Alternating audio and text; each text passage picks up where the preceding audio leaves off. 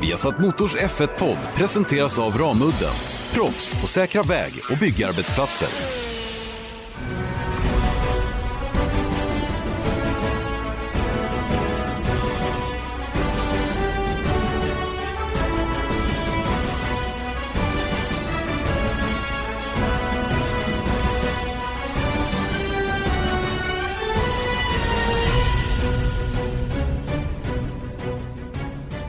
Ett race återstår av Formel 1-säsongen 2019. Välkomna till Vesat Motors Formel 1-podd. Janne Blomqvist, Erik Stenborg som eh, sjunger Den blomstertid. Nästintill i alla fall, för det är lite grann av skolavslutning, eller hur? Nu när vi har kommit till Abu Dhabis Grand Prix som vi naturligtvis ska prata om en hel del också i veckans podd. Vi pratar lite kontinuitet. Eh, hur ser det ut egentligen hos teamen med förarbyten och så vidare? Det visar sig vara ganska liten förändring till 2020. Eh, vi kommer att prata Honda. Eh, börjar det nu att kännas lite grann som att de ifrågasätter sin satsning i Formel 1 eller inte. Eh, vi kommer att prata om en större bilaktion som ska gå av stapeln nere i Abu Dhabi där man eh, bör ha sparat en stund för att vara med så att säga och bjuda. Och sen ska vi presentera lite grann av vad vi ska hitta på den här finalhelgen i våra tv-sändningar till helgen. Eh, Erik Stenborg, eh, god förmiddag. Tack. Eh, god förmiddag till dig. Tack ska du ha. Du, vi ångrade oss. Ja, fast jag tror inte vi sa någonting om det förra Ja, och det gjorde vi. Vi Jag gjorde det faktiskt. Ja. Okej. Men vi har ångrat oss. Mm.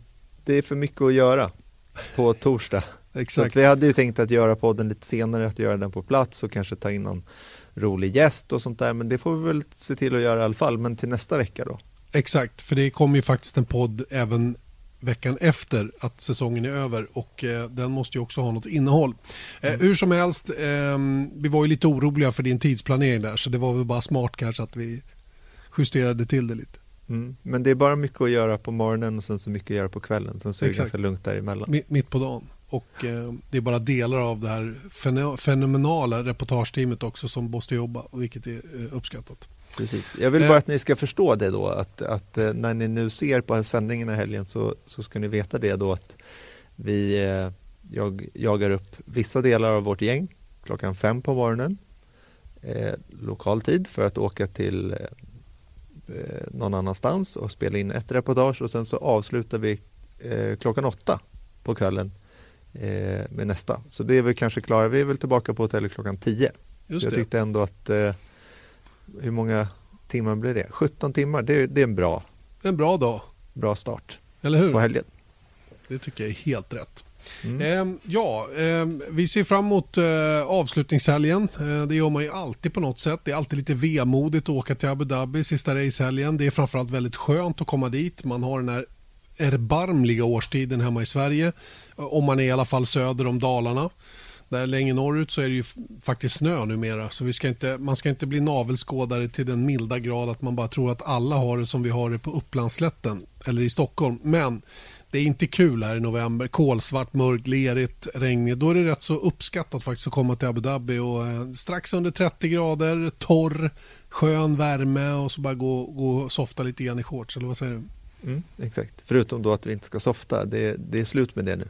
Ja, jo, Det har varit visst. 20 race av softning så nu, nu får ni ja, Men shorts kan du få på dig. Nåja, Nej, men nåja. som men sagt- du fattar vad jag menar. Ja, absolut, men, det- och det är ju den här stämningen att det är lite så här skolavslutning i paddock. Det, det är liksom mästerskapen av, liksom VM-titeln, VM-titlarna Mm. är utdelade. Men, vilket gör att det blir liksom lite skönare stämning. Men det är också just det där att jag tror att alla kanske under hösten känner att det är ganska jobbigt där med resor och liksom man ska, alla som åker till alla race, till exempel som du då. Men jag tror att det där lättar upp lite sista racet för att då, är, då vet man okej men nu kommer det dröja tre och en halv månad innan jag träffar alla kompisar igen och då passar man på liksom och njuta lite. Mm. Så är, Är det det. så? Alla har fått sina betyg, eller i alla fall fått veta vilket betyg de får. Mm. Det där klassiska, sitta med läraren och, och vara skitbesviken över att man fick en fyra istället för en femma som det var på min tid när jag gick i skolan. Nu vet jag inte vad man får för betyg. Får jag är inte bokstäver? uppdaterad. Är det bokstäver? Mm. Okej.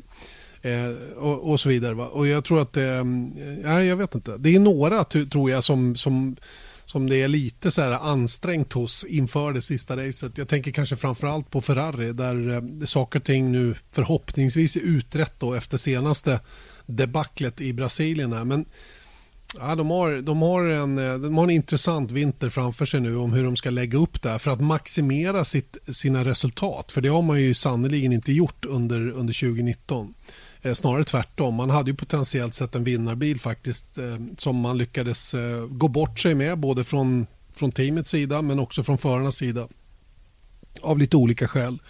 Eh, såg ut att vara stora, stora favoriter under försäsongstesterna och det har ju liksom fallit platt kan man väl säga. Sen en stark comeback efter sommaruppehållet men sen allt det här strulet mellan de båda förarna. Otydlighet i ledarskapet och allt det här som som jag tror är, är besvärligt. Så jag tror inte det är riktigt samma goa känsla just hos Ferrari som vi kan till exempel tro att de har hos Mercedes. Nej. Där det är precis raka motsatsen. Där, det, där de har levt upp till alla förväntningar som fanns och de har levt upp till målen som var satta framför allt. Eh, förarna kommer att bli etta, tvåa. Det är inom citat rätt förare som vinner. Eh, tror jag man tycker också i teamet där med Lewis Hamilton som tar sin sjätte titel och på väg mot en sjunde kanske om det går lika bra nästa år. Eh, en otroligt bra backup i, i Valtteri Bottas som har, som har gjort allt det som han är ålagd att göra då eh, i, i förhållande till hur hela paketet ser ut. Mycket, mycket tydligare ledarskap, eh, en bättre sammansatt förarduo som jag ser det. Mm. Ja, det går inte att hävda någonting eh, annat än, än, än, det. Men det är också det är lite den här grejen med skolavslutning, ja. Eh, soft stämning, ja. Men det finns fortfarande en del saker att reda ut, inte minst konstruktörs-VM som är faktiskt värda enorma pengar. Jag tror att det var någonting att så här, varje steg kan man i alla fall eh, från höften räkna med 5 miljoner euro eller någonting sånt där. Eh, vilket blir ganska många positioner och till exempel då topp tre, topp fyra är egentligen utrett eh, väldigt eh, lätt då. Men det är ju eh, det är åtta poäng mellan Toro Rosso och Renault. Eh, det är eh, tio poäng eh, eh upp från Alfa Romeo till Racing Point. Eh, jag menar, det kan hända saker och det såg man ju liksom i Brasilien när Alfa plötsligt plockade hem 22 poäng. Så de, de laddar ju på nu för att komma sjua istället för åtta. Liksom. Och, och eh, Dessutom så tror jag att förarna och teamen då vill verkligen avsluta på topp. För att det är just de här tre och en halv månad vill man inte gå runt och känna att man har missat en chans för att man har varit lite loj, eller hur? Nej, jag, jag håller helt med. Det är självklart att man vill avsluta på topp så att säga. Då, för det är en god känsla man har med sig in i nästa säsong. Och du har ju påpekat det flera gånger att, att en sån som Valtteri Bottas till exempel är oerhört angelägen om att sluta säsongen starkt för att liksom som var där som naglarna på rutan då för, för Lewis Hamilton så att säga, inför starten på 2020. Nu är Hamilton så pass slipad och driven så jag tror inte han blir påverkad i den utsträckningen. Men ändå viktigt för Bottas ändå för hans självkänsla att, att komma stark in i nästa säsong. Förra året var det ju precis tvärtom för hans del och han lyckades ändå vända på steken och börja 2019 väldigt, väldigt eh, aggressivt och, och, imponerande. Sen fejdade det av lite grann av olika anledningar. Men, men eh, för hans del tror jag definitivt att det, det är viktigt att runda av den här säsongen. Ja. Och när du säger där med Hamilton att han är slipad, ja absolut, men det är också den här grejen att det som Rosberg lyckades göra 2015, det var ju att vinna fem raka race. Det har inte, om man tittar på vad Bottas lyckades med i Brasilien så han bröt ju i och för sig men, men eh, han har liksom inte den här uh, vågen av framgångar med sig in i off-season. Men det är klart att han vill avsluta starkt med en seger och mm. gärna slå Hamilton såklart. Sen har vi ju Red Bull, det tredje toppteamet. Då. Hur, hur, hur ser deras, ehm, hur, hur är känslan i det teamet? Ja, man har ju bestämt sig för att behålla Alex Albon. Eh, tror jag Albon är väldigt glad över. Max Verstappen är orubbad nummer ett i teamet. Man har också en bra, tycker jag, förarduon som sådan tror jag passar så att säga, dynamiskt. Men problemet de har är att de har en så specifik bil som bara passar den ena föraren. Eh, och Det är ett problem som de har när det gäller att maximera teamets totala poängskörd. Så att säga. Och ska de kunna utmana Ferrari och Mercedes om att vinna konstruktörstiteln till exempel då behöver de ju jämna ut det där lite, plana ut det lite grann. Och jag läste nu att Alex Albon kommer att använda både avslutningstesterna nu och försäsongstesterna för att krympa gapet fram till Max Verstappen. Och det handlar väldigt mycket om för hans del tror jag att lära sig att köra den här bilen som är väldigt på näsan. Den är väldigt stark i framänden, väldigt eh, orolig baktill men sjukt snabb när man får det att fungera. När man lär sig att köra bilen på det sättet som den trivs bäst med att vara inställd. Då, då, eh, och kan Albon komma, komma till rätta med detta? Men för det kräver det ju tid. Och Det är det man inte riktigt får i Formel 1 idag. Eh, tid av det slaget som man behöver. Man måste liksom ha det där i ryggmärgen på ett sätt som typ tror jag Max Verstappen och han, de har, jag tror att hans sida av garaget har nog drivit saker och ting ihop med designteamet då att, att bli eh, det är klart att de frågar förarna vad de eftersöker och sen tittar på vad man kan skapa i CFD och vindtunnel också för, för, för att liksom vara siffermässigt mest snabba. Och eh, Den där kombinationen verkar ju ha gift sig väldigt, väldigt väl får man väl ändå säga. Va? Men där har de ändå lite att jobba på tror jag Red Bull under vinteruppehållet här med att liksom få, få mera, få att harmonisera li, lite bättre mellan förarna utan att skapa den här rivaliteten då som Ferrari brottas med så att säga som inte är hälsosam för något team. Den kan ju bitvis vara trevlig för oss att titta på men den är inte hälsosam för teamet och jag såg att Christian Horner hade uttalat sig och sagt att de enda som förlorar på att ha den här typen av rivalitet är just teamet. Och, och, Det kommer ju alltid vara en konflikt mellan förarens bästa och teamets bästa.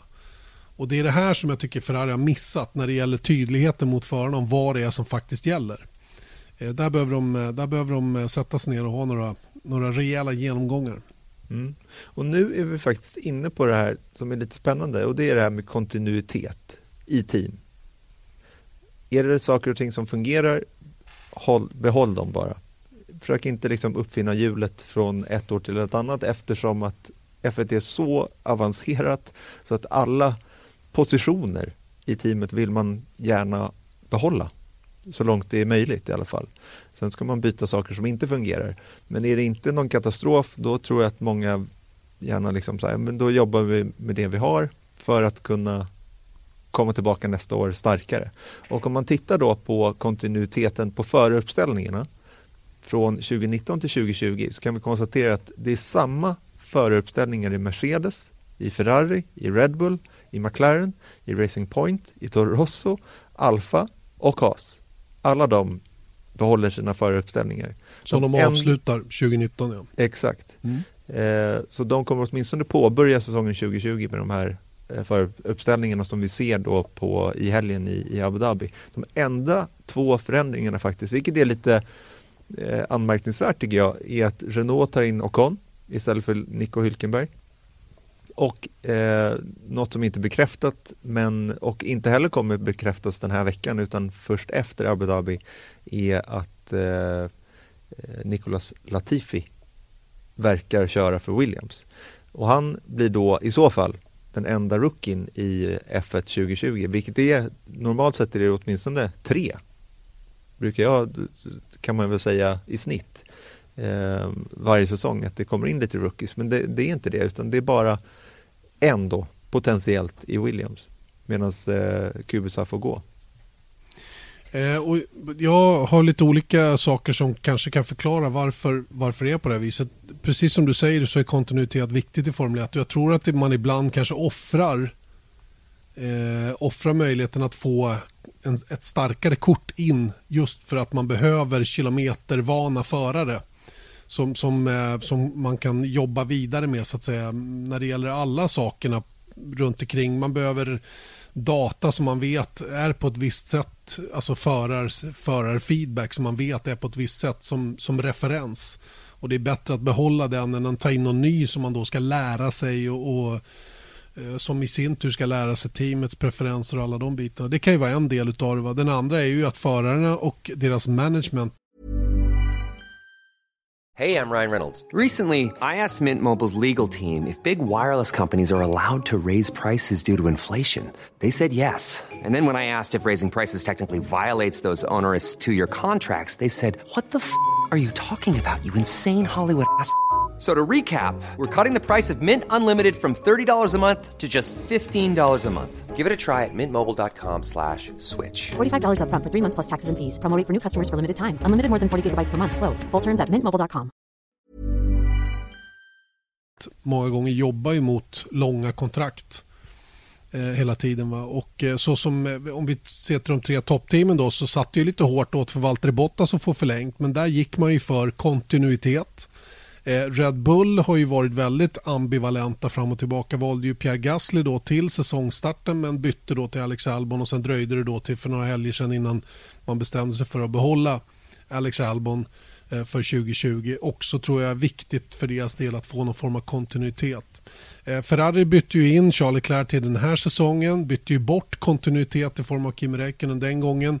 Eh, han kommer ju naturligtvis att stanna kvar över nästa säsong. McLaren eh, hade ju eh, två nya till den här säsongen kan man ju säga då. Även om inte Carlos Sainz var någon rookie så var det ju en helt ny föraruppställning och den är ju superviktig att behålla då för deras fortsatta framsteg. Va? Racing Point, där var det den minsta skrällen kanske att både Sergio Perez och, eh, och, och Lance Stroll blev kvar. Och Stroll vars pappa då i ett konsortium äger teamet. Så det, det, är ju liksom på något sätt eh, ohotat. Han, han är kvar så länge han vill. Ja, men ja, typ. Eh, Toro Rosso, samma sak där. Alternativen att plocka in några Rebel juniorer finns inte riktigt. va Så att eh, den lite äldre föruppställningen i Toro Rosso då än vad man har i Red Bull trots att de i juniorteamet får stanna kvar en säsong till. Och Alfa Romeo för deras del var det ju bara att, eh, jag menar Kimi hade ju kontrakt över 2020 också så det ju, fanns ju ingen anledning för dem att göra några förändringar när det gäller Antonio Giovinazzi heller. Giovinazzi som, som jag tror behöver ett år, tid för, ett år till för att kanske komma upp på den nivån där han maxar. Sen vet inte jag hur hög den nivån är så att säga, jämfört med andra men, men eh, jag tror inte han har nått sitt max ännu så länge i alla fall.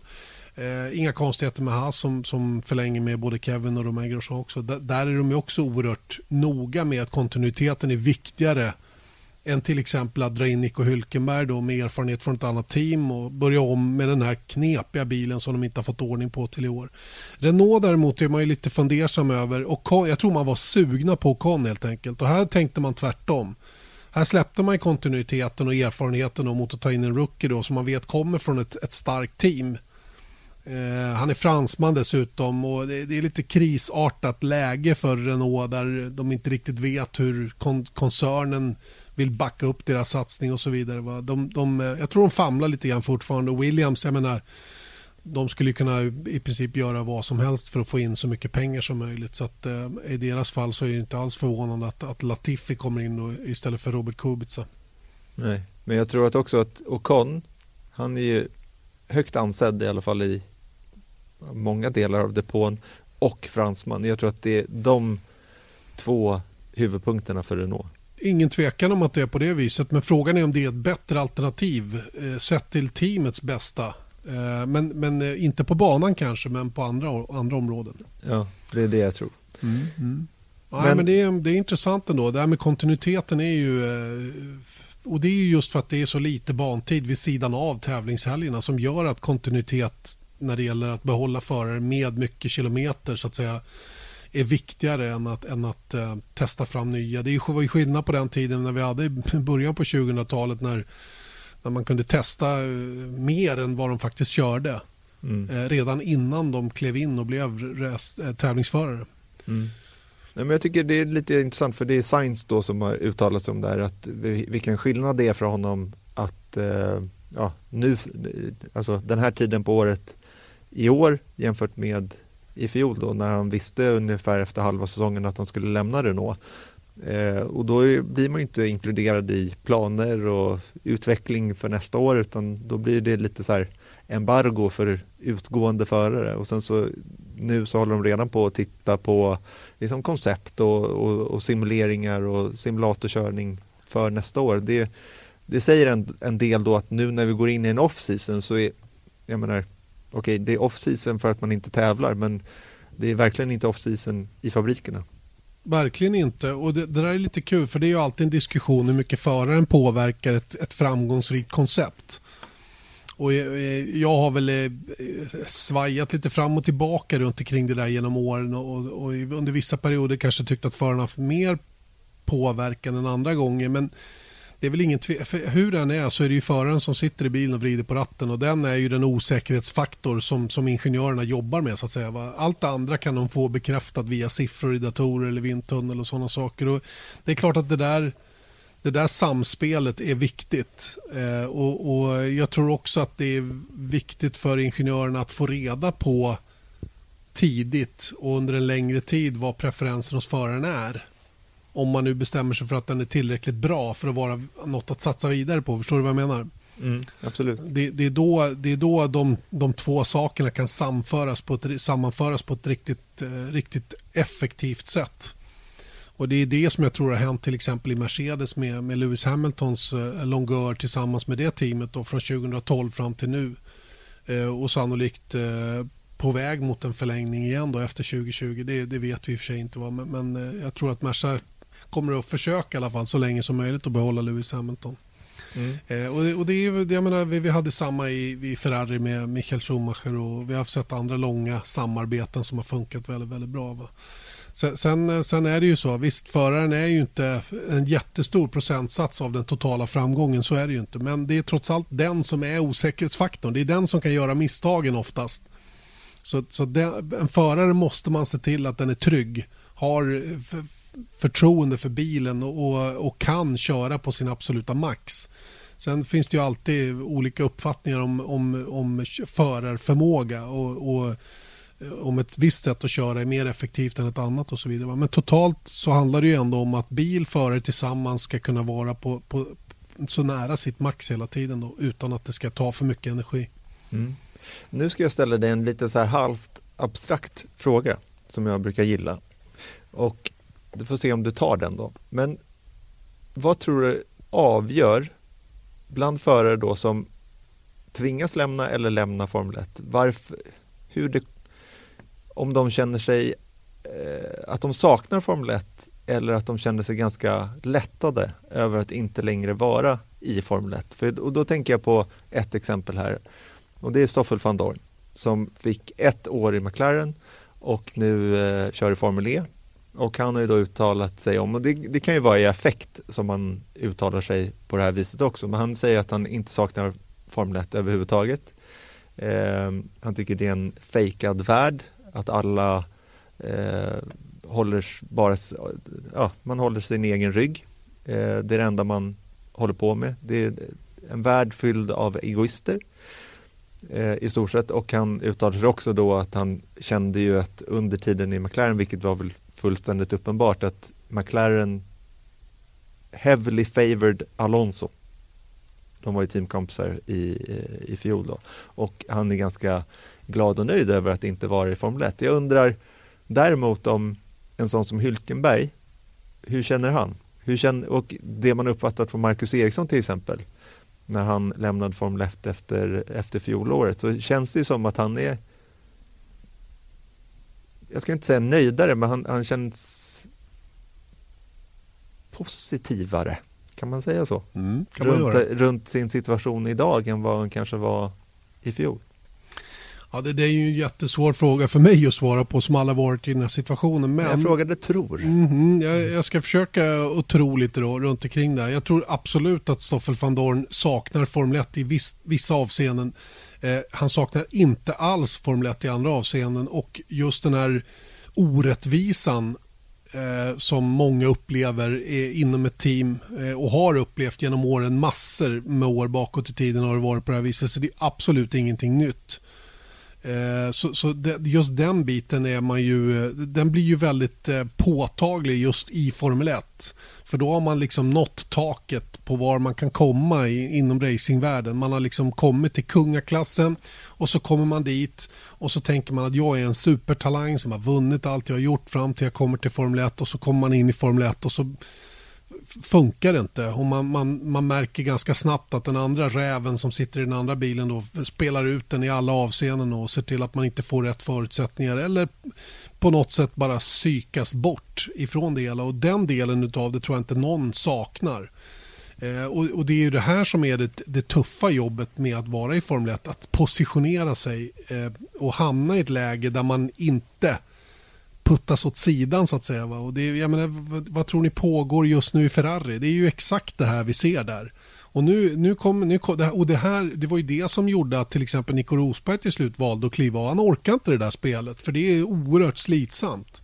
Att hela tiden gå och titta sig bakom ryggen. Det, det jag skulle kunna tänka mig att vara, lite så här, vara kriminell i den undre världen och ha leva med något slags hot hela tiden. En hotbild. Förstår du vad jag menar? Man, måste, Ja, man kan inte gå någonstans. eh, Man måste sitta hela tiden med ryggen mot väggen så man har koll på allt som händer. Alltså, det är Poliser och verkligen- fiender överallt. Ja, men på något sätt va, så, så tror jag att Formel 1 är väldigt mycket på det viset. Om du inte bevakar dina intressen varenda sekund så kan det gå bara så. Med, ett, med en knäppning så, så sitter du där och så är du borta bara. Utan att, jag menar, tänk på vilken talang Stoffel van Dorn ansågs vara ändå när han kom in i F1. Och hur lite vi fick se av det egentligen. Mm. Vilket är rent av skrämmande eh, sett till hur, hur, en, en, en tillgång som man faktiskt var för teamet ändå bara, bara wastades under ett år. Jag, jag tycker det är fascinerande och just de här bitarna tror jag de som lämnar Formel 1 på det sättet som han gjorde inte saknar igen.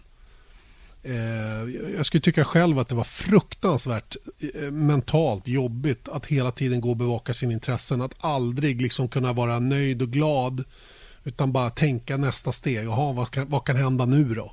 Mm. Vad, vad händer till den här helgen? Vad har de fått på den andra bilen? Vad, liksom, och så när man går på något möte så börjar man att titta på, nej, jaha, de pratar så där. Undrar varför han sa så där? Och, usch, det här känns inte bra. Eller så blir man, du vet, bara hela tiden att aldrig få slappna av och, och liksom luta sig. Och, och, jag menar till och med en sån som Lewis Hamilton blev ju faktiskt skakad av det här under det året han blev på allvar utmanad då 2016 och, och klarade inte heller riktigt kanske att, att eh, hantera det i alla avseenden.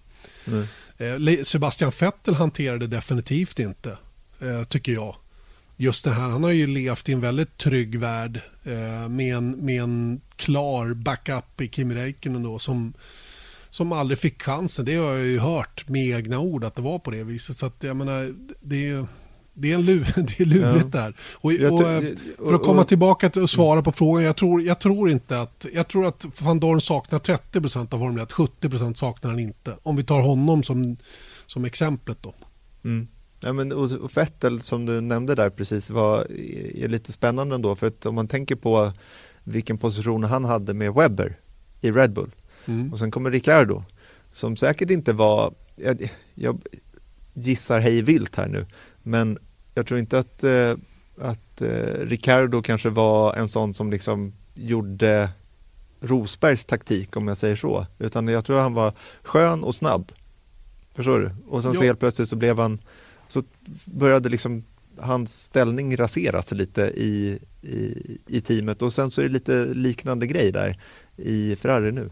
Jag tror, ex, jag tror exakt att det var så också. Jag tror att han, eh, jag tror att när Ricardo, jag tror det var en tillfällighet liksom. De byggde det nya reglementet med klart s- lägre downforce-nivå bak till gjorde att Vettel inte kunde köra som han var van att köra och eh, Ricardo kom in med fräscha, ett fräscht papper så att säga och, och körde ju faktiskt skjortan av av, eh, av Vettel det året. Va? Och, och, um, det hade Vettel svårt att hantera den gången. Jag tror inte Ricardo ens behövde spela det mentala spelet så att säga den gången utan det, det, det han gjorde det gjorde han på banan och det räckte gott för att få Sebastian Vettel ur balans så att säga.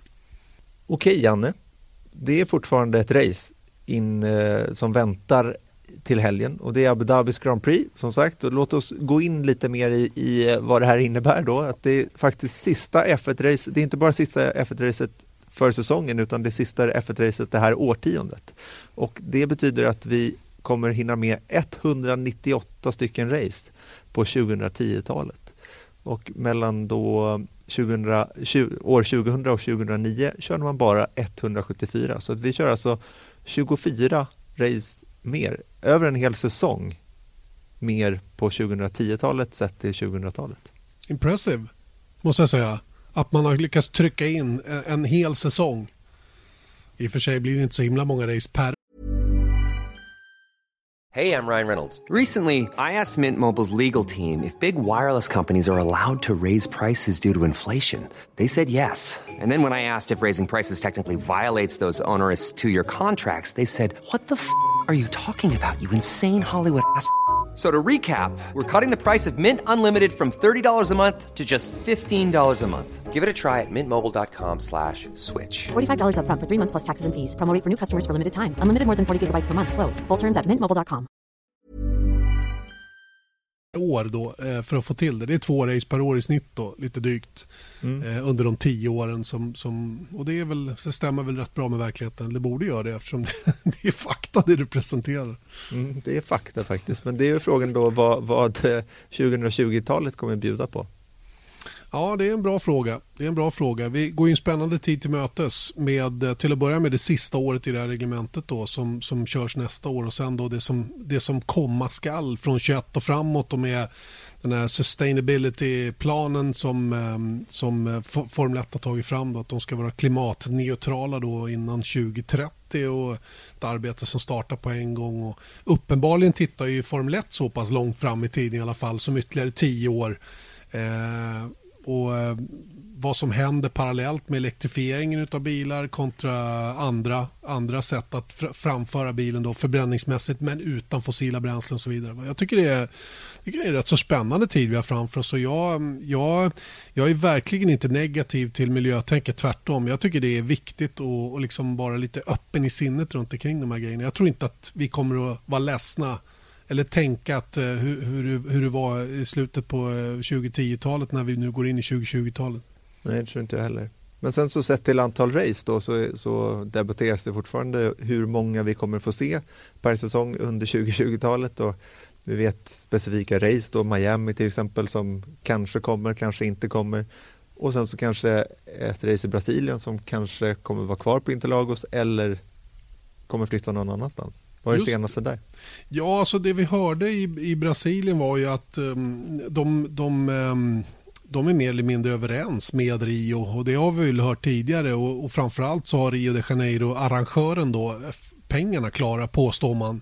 Eh, man erbjuder alltså Formel 1 36 miljoner dollar då för att köra Formel 1 per år.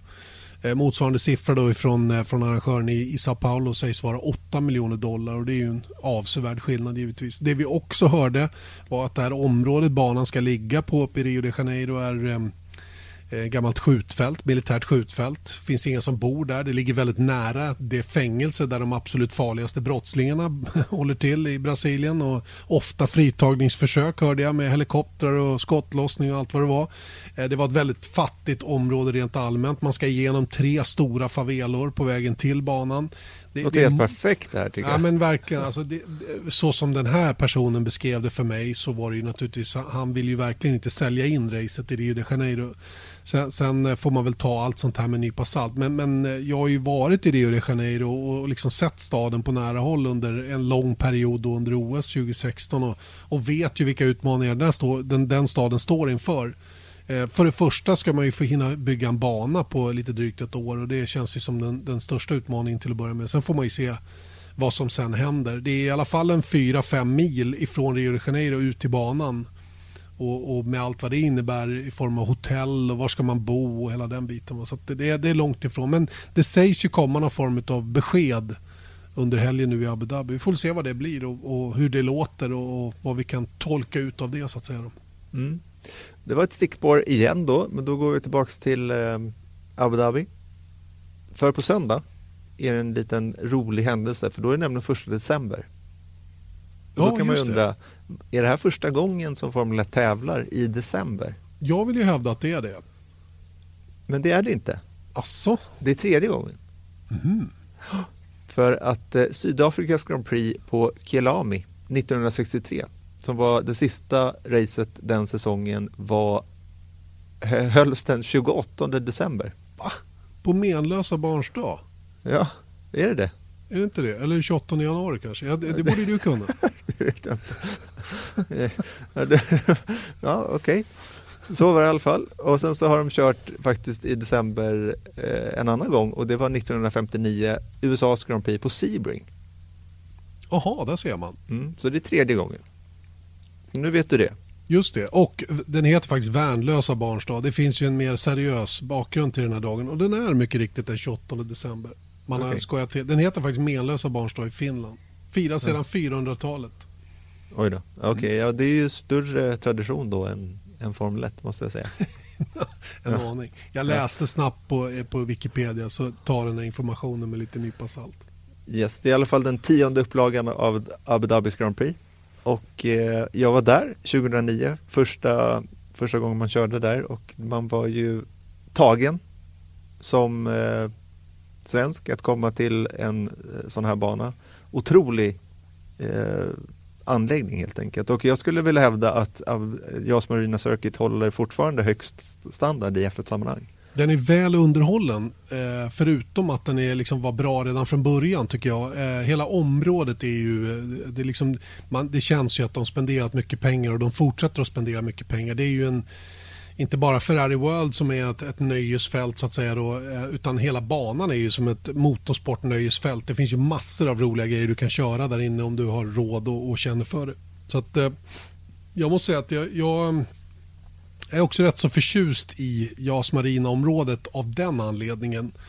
Eh, det, känns, det, det, känns lyxigt att vara där helt enkelt och, och snyggt. Och det byggs ju oerhört mycket runt omkring och, och för varje år som går så har liksom hela Abu Dhabi vuxit lite grann närmare banan också. Det har ju varit väldigt mycket åka en bit motorväg liksom. Mm. innan man kommer till själva området. Då. Men, men eh, det, det krymper så att säga. Staden närmar sig. Så är det. Lewis Hamilton, världsmästare i år sex gånger, det vet vi redan. Men han är också den enda föraren som kört alla 1207 varv hittills och också då tagit poäng i alla race i år. Och om han kommer i mål och tar poäng i, även på söndag eh, så är han blott den andra i historien som lyckas gå i mål och ta poäng i samtliga race. Och det var den som gjorde det tidigare var Michael Schumacher 2002. Mm. Inte så förvånande att det var 2002. Det var också en sån här kanonsäsong från Ferrari. De hade ju två riktigt grymma säsonger i Ferrari då under hans era. Då. Det var ju 2002 och 2004 när de var tämligen överlägsna. Mm. Och det är också Hamiltons 250 start i Formel 1. Mm. Det är ett jubileum. Det är, det är en milstolpe, det får man ändå säga. Om man gjort 250 starter, de har varit med ett tag. Eh, det, det, är liksom, det är tydligt med en sån siffra kan jag tycka. Bra analys. Tycker mm. jag. Ja, men, men hur som helst. Ja, ja, men jag, jag det var djup och fint. Ja, jag tycker det faktiskt också. Jag skrapade verkligen på djupet. Eh, cool bana, eh, får man väl ändå säga att det är. Eh, banlayouten trodde vi stenhårt på. Jag kommer så väl ihåg Eje och jag när vi diskuterade att det här kommer bli skitbra. Tight hårnål innan första rakan. Och så bara, yeah, kommer de kunna köra om varandra hur mycket som helst. Chikan mitt på. Och så ny raksträcka, ny hård inbromsning i kurva 11 där. Det blev ingenting av det. Precis noll och ingenting. Eh, våran missbedömning, eller min missbedömning, jag kan inte tala för Eje, men min, min missbedömning ligger nog i att jag, jag, jag förstod inte riktigt hur den här långsamma chikanhistorien innan kurva 7, hårnålen innan första rakan, hur den påverkade möjligheten att ligga nära negativt. Man skulle ha behövt ha en snabbare sväng och en hård inbromsning 90 grader vänster kanske eller någonting i den stilen ut på den där rakan för att de skulle kunna pressa varandra till misstag där den bilen framför kanske får en sämre utgång, sämre ingång.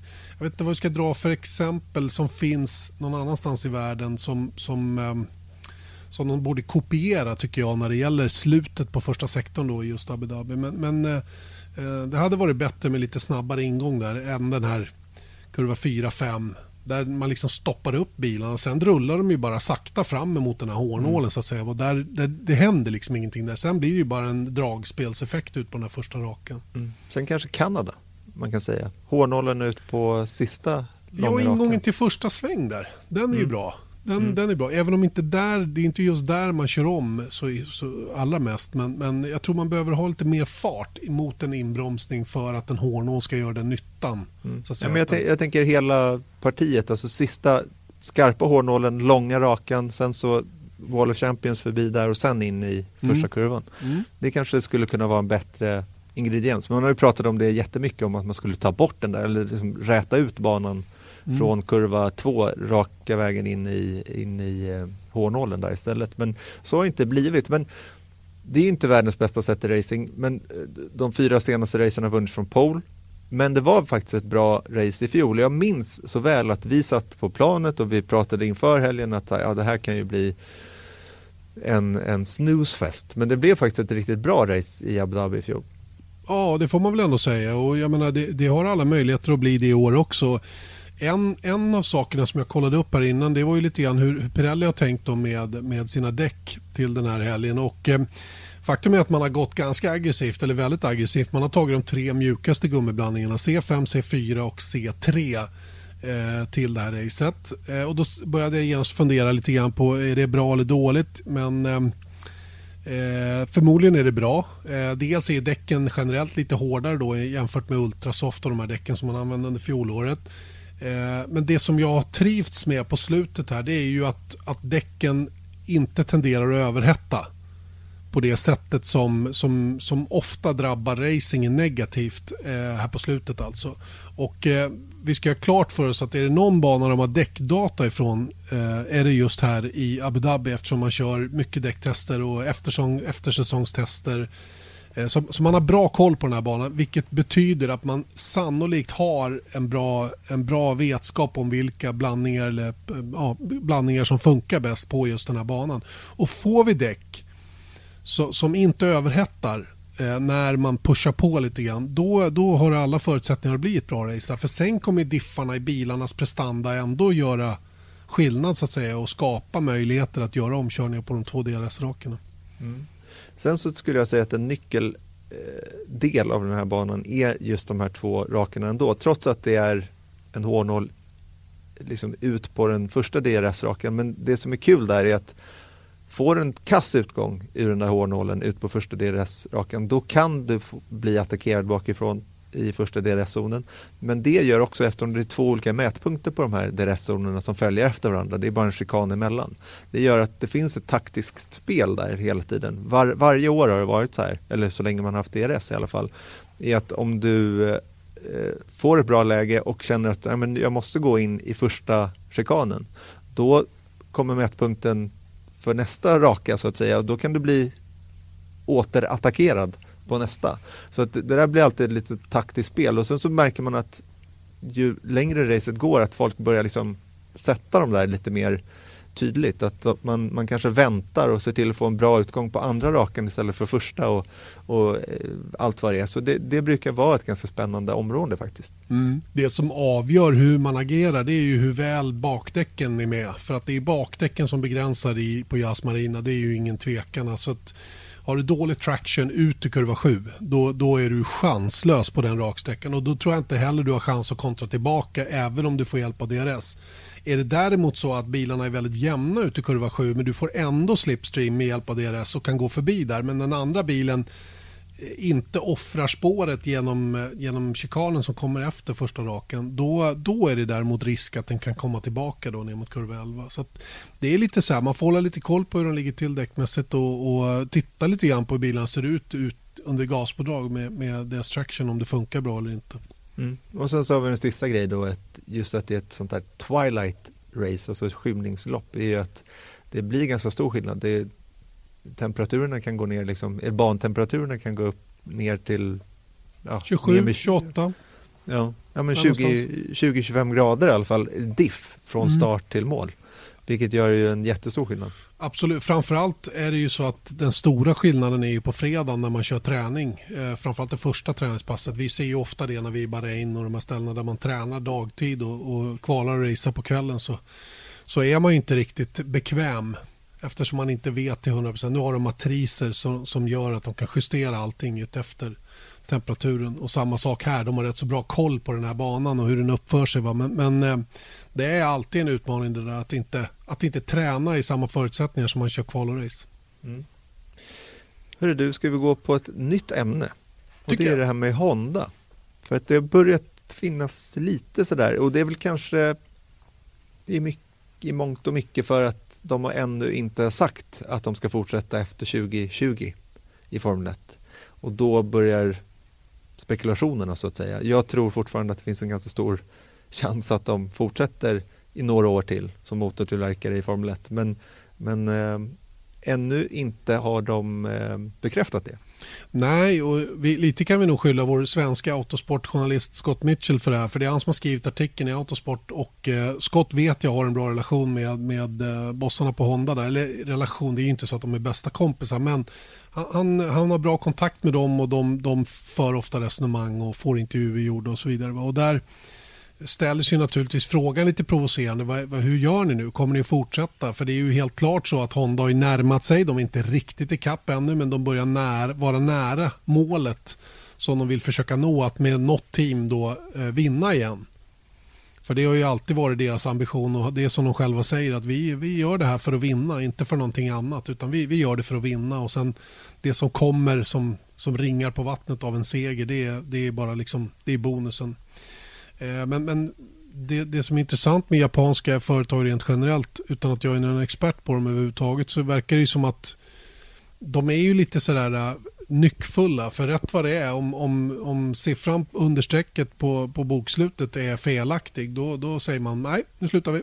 Sen om det har investerats miljarder innan Eh, med tanke på en, en, fortsättning. Så det bryr man sig liksom inte om. utan Då bara, då bara drar man i snöret och säger att nu är det stopp. Eh, vi kommer ihåg till exempel då 2008 när Honda drog sig ur senast. Och, och, vi vet att Suzuki försvann i MotoGP, Subaru slutade köra rally. Det var liksom ett strömavhopp av japanska företag som då bara sa nej, nu slutar vi. Så man är aldrig riktigt säker med dem när, när, de, eh, när de väl... Man kan tro att de är till 100% engagerade och committade men, men eh, det kan lika gärna ta slut väldigt fort. Verkligen, och jag hoppas att de inte går den vägen. Men det, tror du verkligen att det, att det finns någon risk att Nej, det skulle ske? Det tror jag faktiskt inte. Och det, huvudskälet till det är ju, precis som anges i artikeln också, att, att eh, man faktiskt gör... För för deras del handlar det om att, inte, att kostnaderna inte får skena iväg vidare nu. För nu har det kostat dem väldigt mycket att nå den här nivån. Och de, de har lite kvar, va? men det kan de nog lösa inom ramen för den, den, den rimliga budget som de vill ha. Men det får inte dra iväg åt andra hållet och det nya reglementet är man ju eh, i, i det stora hela väldigt nöjd med. Då, där man pratar om lite billigare material och sådana saker. Då. Sen vet inte jag vad de använder för material idag, om de, om de är helt nödvändiga för deras prestanda eller inte. Va? Men jag tror att generellt så är det bra för, för Honda om det inte om det inte blir ett sånt där vanvettigt eh, utvecklingskrig framöver utan att det är ganska stabilt motorreglementet har nu och småpyssel med ena och det andra som, som, som går att lösa inom ramen för vad man tycker är rimligt att spendera. Mm. Några eh, motortillverkare på väg in? As far as I know, no. Det är, det är en sån otrolig satsning att kliva in i Formel 1 idag så att, eh, det, det, känns inte som om det är någon som, som eh, har möjlighet till det överhuvudtaget. Eh, jag menar titta på Folkvagns senaste utspel där de bestämmer sig för att inte utveckla några förbränningsmotorer överhuvudtaget när det gäller tävlings, tävlingsverksamheten eller i bilar överhuvudtaget. Så, och det handlar om att de vill sälja elbilar. De har ju bestämt sig. Det, det koncernbeslutet handlar om att Folkvagn ska vara ledande när det gäller att sälja elbilar.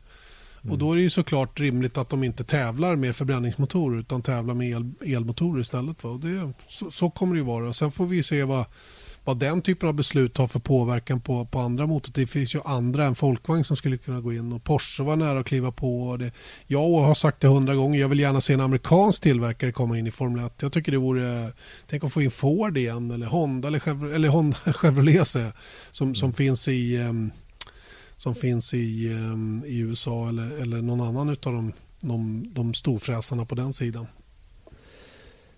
Janne, har yes. du med dig plånboken eller? Oh ja, oh ja, oh ja. den är tjock som fasen. Mm, det är bra det. Jag sitter rent av obekvämt på dagarna.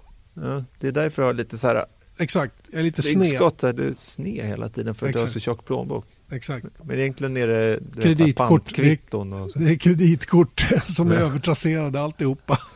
Exakt. Och om du vill så ja. kan du övertrassera dem lite mer.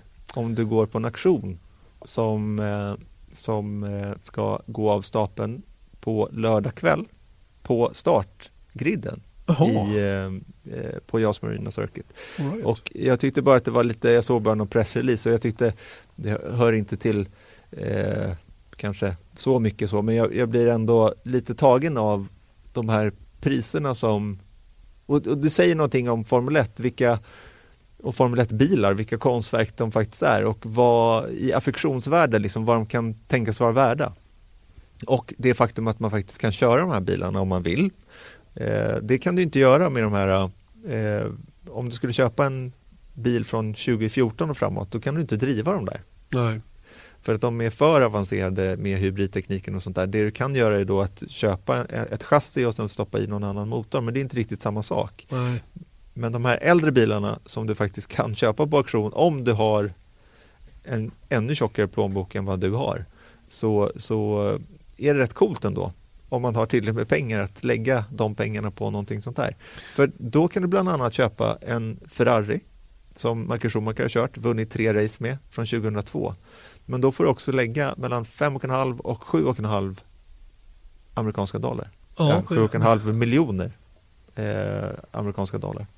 Det vill säga någonstans mellan 50 och 75 miljoner då, eh, svenska kronor. Då. Mm. och det är ju en hiskelig massa pengar. Var det inte 2002 det året han vann, eller gick i mål alla race och tog poäng i alla race? Jo. Så där är en av de absolut mest framgångsrika bilarna Ferrari har fått fram faktiskt. 2002-varianten då. Det var väl så att de körde ut någon reklam, reklamfilm för det här med, med Mick Schumacher som körde sin pappas bil på Fiorano och ska väl köra den även i, i Abu Dhabi om jag har förstått saken rätt. Jag vet inte hur de ska köras men jag vet att alla kommer vara uppställda i alla fall så ja. det kan vi väl Nej, lova jag, någon Instagram-bild ifrån i alla fall. Ja, jag är nästan säker på att han skulle göra någon demonstration av den och, och um, smiska runt den lite grann på banan. Men uh, uppenbart Ferrari har högt marknadsvärde mm. sett till prislappen. Mm. Om du har lite mindre pengar så kan du köpa en Benetton från 1992 men den har fortfarande då historik från eh, Schumacher. Eh, det är den första bilen han körde tror jag. Ja, alltså Nej. första fulla säsongen va? 91 ja, debuterade han, ja. debuterade han i Jordan och innan han flyttade över till Benetton. Men 92 säsongen i Benetton var väl den första hela säsongen han gjorde om jag inte är helt borta med minnet här. Mm. Så har du mellan 825 000 amerikanska dollar och 1,1 miljoner eh, amerikanska dollar så då kan du köpa det. Men vadå, det är en aktion där så folk kommer bjuda mot varandra. Det kan ja, bli ännu mer pengar. Ja, ja, det är klart. Det här är, det här är liksom ett någorlunda mellan tummen och pekfingret utgångspris. Liksom. Ja, det är där förväntat pris. Ja, så att ja, säga. Just det, just det. Jag var ju faktiskt på en sån här eh, auktion i Monaco eh, under eh, Monaco Historic-helgen. Där bland annat eh, Sennas sista McLaren tror jag att det var. 93. Jaha, 93. Ja, ja 93 mm. eh, körde den och där köpte ju eh, Bernie Ecclestone då för 39 miljoner kronor. Vilket var ett vrakpris. Alla var helt chockade över hur billigt det var. Coolt. Faktiskt. att det kan vara ett vrakpris, det är ju fascinerande. Ja. Men du kan också köpa en 82 eh, Ferrari då som Patrick Tambay körde mellan 2 och 2,5 miljoner US-dollar. Ja, men återigen en dyr Ferrari alltså. De är klart dyrare än de andra bilarna på den här kund. Mm. Om du vill köpa en gatbil Ferrari så kan du köpa en F40 som är signerad av Sebastian Vettel för 1,5 till 1,75 miljoner US-dollar. Ja, jag ska så kolla, jag, jag ska kolla vad jag kan avvara. Jag ska kolla lite vad jag kan avvara. Det tar en liten stund innan jag eh, badat färdigt i kassavalvet. Ja, exakt, men du har ju, det är ju bara att sälja typ delar av ditt hus så är allting klart. Uthuset. Ja, exakt. Då, det är, tänk att bo bredvid Janne Blomqvist men som du, dessutom har en Ferrari. Exakt, och men Porschen är väl du sugen på? Det är väl, det där, det är väl snudd på en sån du har? Ja, det är snudd på en sån jag har. Det är en 73 911 RS då, Touring. En riktig sån. Och den går alltså för eh, 7,5 till 8,5 miljoner kronor. Och jag har ju en sån. Just så jag det. behöver inte två, men min kanske inte riktigt lika äkta. Den betingar inte samma pengar i vilket fall. Nej, exakt. Nej, det är först när jag har signat den, då kommer den att gå för riktigt ja, stora pengar. Om du signar min, min replika eh, RS, så då kommer den kliva upp där också. Stabil. Men det är ändå kul att det fanns en sån. Det ska bli roligt att se den i verkligheten. Jag har mm. ju sett in så att, ja. ja. Jämföra lite. Exakt. Du kommer inte se någon skillnad alls. Nej, nej, det kan jag inte, kan jag inte drömma om. Eh, ja, eh, bilaktion i vilket fall som helst då ute på startplattan i Abu Dhabi. Det ska bli, ska bli intressant att se hur det går till. Man får ju ha händerna i byxfickorna i vilket fall. Du, du, måste nämligen pre-register så det, är ingen fara. Du kan inte spontanbuda. Synd. Så det är himla tur. Man har tagit en, en pilsner för mycket där på ja, kvällskvisten så blir det lite... I Heineken-baren där. Så exakt, exakt. Alkoholfri Heineken och du, ja, du, du och rycka i armarna. Ja, det är gött. Du, avslutningsvis nu då, innan vi måste packa väskan och göra oss klara för avfärd. Mm. Eh, vad händer i helgen? Vi har en del bus på gång, är det inte så? Mm. För det första är det då de sista 55 varven av F1-säsongen 2019. De sista 55 varven av, eh, av Formel 1 på 2010-talet. Så det, det, är väl gott nog för att titta i helgen. Men grejen är att jag tycker kanske att vi i alla fall på förhand har kanske de roligaste reportagen vi har haft på hela säsongen.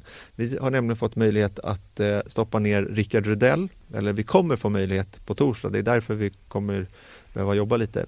Eh, Rickard Rudell ska få åka förhoppningsvis nu en Formel 1-båt med svenska F1-föraren. Man kan ju, alla har ju sagt att det är synd att vi inte har en svensk F1 längre, men det har vi haft hela Ja. året. Ja, och hela förra året också. Ja, två, Två. stycken. Mm. Eh, en av dem heter Erik Stark och kör för det här klassiska Victory Team eh, som är baserat i Dubai. Och eh, på torsdag morgon ska vi ge Rickard Rudell en åktur han sent kommer glömma. The ride of his life. Jag har åkt Tror- Formel 2-båt. det tyckte jag var tillräckligt snabbt. Mm. Men det här, alltså jag tror att de här går alltså 250 km i timmen eller någonting. I, i svängarna. Ja, ja, alltså, men det är ju knappt som de, de, de, det är inte så att de bromsar. Nej, nej. nej de, är, de är störda. Det är otroliga farter i kurvorna just. Så överlever han det så kommer han eh, även ställa upp ett kartingrace, Viasat Motor Grand Prix som vi anordnar då. Och hela tanken med det här då är att eh, eh, Rickard och Björn, de tjafsar ju hela, hela dagarna Så får- Alltid. ja, om vem som är den bästa föraren. Och nu ska vi eh, eh, avgöra det i helgen. Once and for all. På JAS Marina Kart Zone Just ska det. de få, få göra det. Och sen så hoppas vi på en, eller vi har en joker med i spelet också, men det säger vi inte om ifall de skulle lyssna på det här. Just det. Och jag ska köra pacebil har jag bestämt. Ja, eller i alla fall vifta lite med flaggor. Okej. Mm. Men det är roligare att köra pacebil. Det är coolt. Jag har sett det på de stora tävlingarna. Då bjuder de alltid in någon storfräsare som får köra pacebilen några varv. Mm, Borde inte jag vara kvalificerad för det nu? Men vi ska se om vi hittar någon storfräsare som får köra den. I alla fall. Men jag Nej, är ju storfräs. eh, Grejen är att också att vi har eventuellt, eh, ja, det verkar som det, men det är inte helt klart. Men vi har Ross Braun också. Just Så det är det. väl en ganska tung Det eh, reportage-line-up måste jag säga. Verkligen. Ja, men det, det är ju spännande med Ross Braun. Speciellt med tanke på eh, det, det besked som kom då från Formel 1 i, i Austin med det nya reglementet. Så att eh, Ross Braun, om han nu blir tillgänglig, känns ju väldigt intressant. Mm. Och sen så ska vi göra ett F1-magasin. Fast vi ska göra live på Facebook tänkte jag. Jaha, om vi man får på. ordning på internet. Det är Just inte det. helt lätt, men det ska jag försöka se till att göra. Det är bra att du är ambitiös, Mm. tycker jag. Det tycker jag. Säger du med, medan du himlar med Nej, ögonen. nej, nej, men jag har ju sett, jag har ju varit med om de här internetlinorna under året. Här, så att det... I, know, Exakt. I know the challenge. Jag har en Hur som idé. helst. Jag har en plan. idé. Det är bra. Mm. Det är bra. Det känns jättebra att du har en plan. Ehm, ja, det var podden det. Vi ehm, kastar oss på kärran till Abu Dhabi imorgon. Ehm, Björn, den rackaren, åker dit en dag tidigare. Han kommer ligga vid poolen hela dagen medan vi flyger. Mm. Det är väl Men kul eh, för honom. jag såg lite konversation igår. Ah, måste man ta med sig egen hjälm? Ska vi köra go-kart? Då kan jag, måste jag checka in bagage. Du vet, det var den typen av Mm. eh, surr nu på vår gemensamma WhatsApp-grupp. Klagomål. Jag orkar inte. Klago. Det var rena förfrågningar, men det är lite Ja. roligt ändå. Yes. All right. Nu är det det här med att avsluta podden igen. Ja, låt oss bara göra det. Hej då. Vi är tillbaka nästa vecka. Viasat Motors F1-podd presenteras av Ramudden. Proffs på säkra väg och byggarbetsplatser.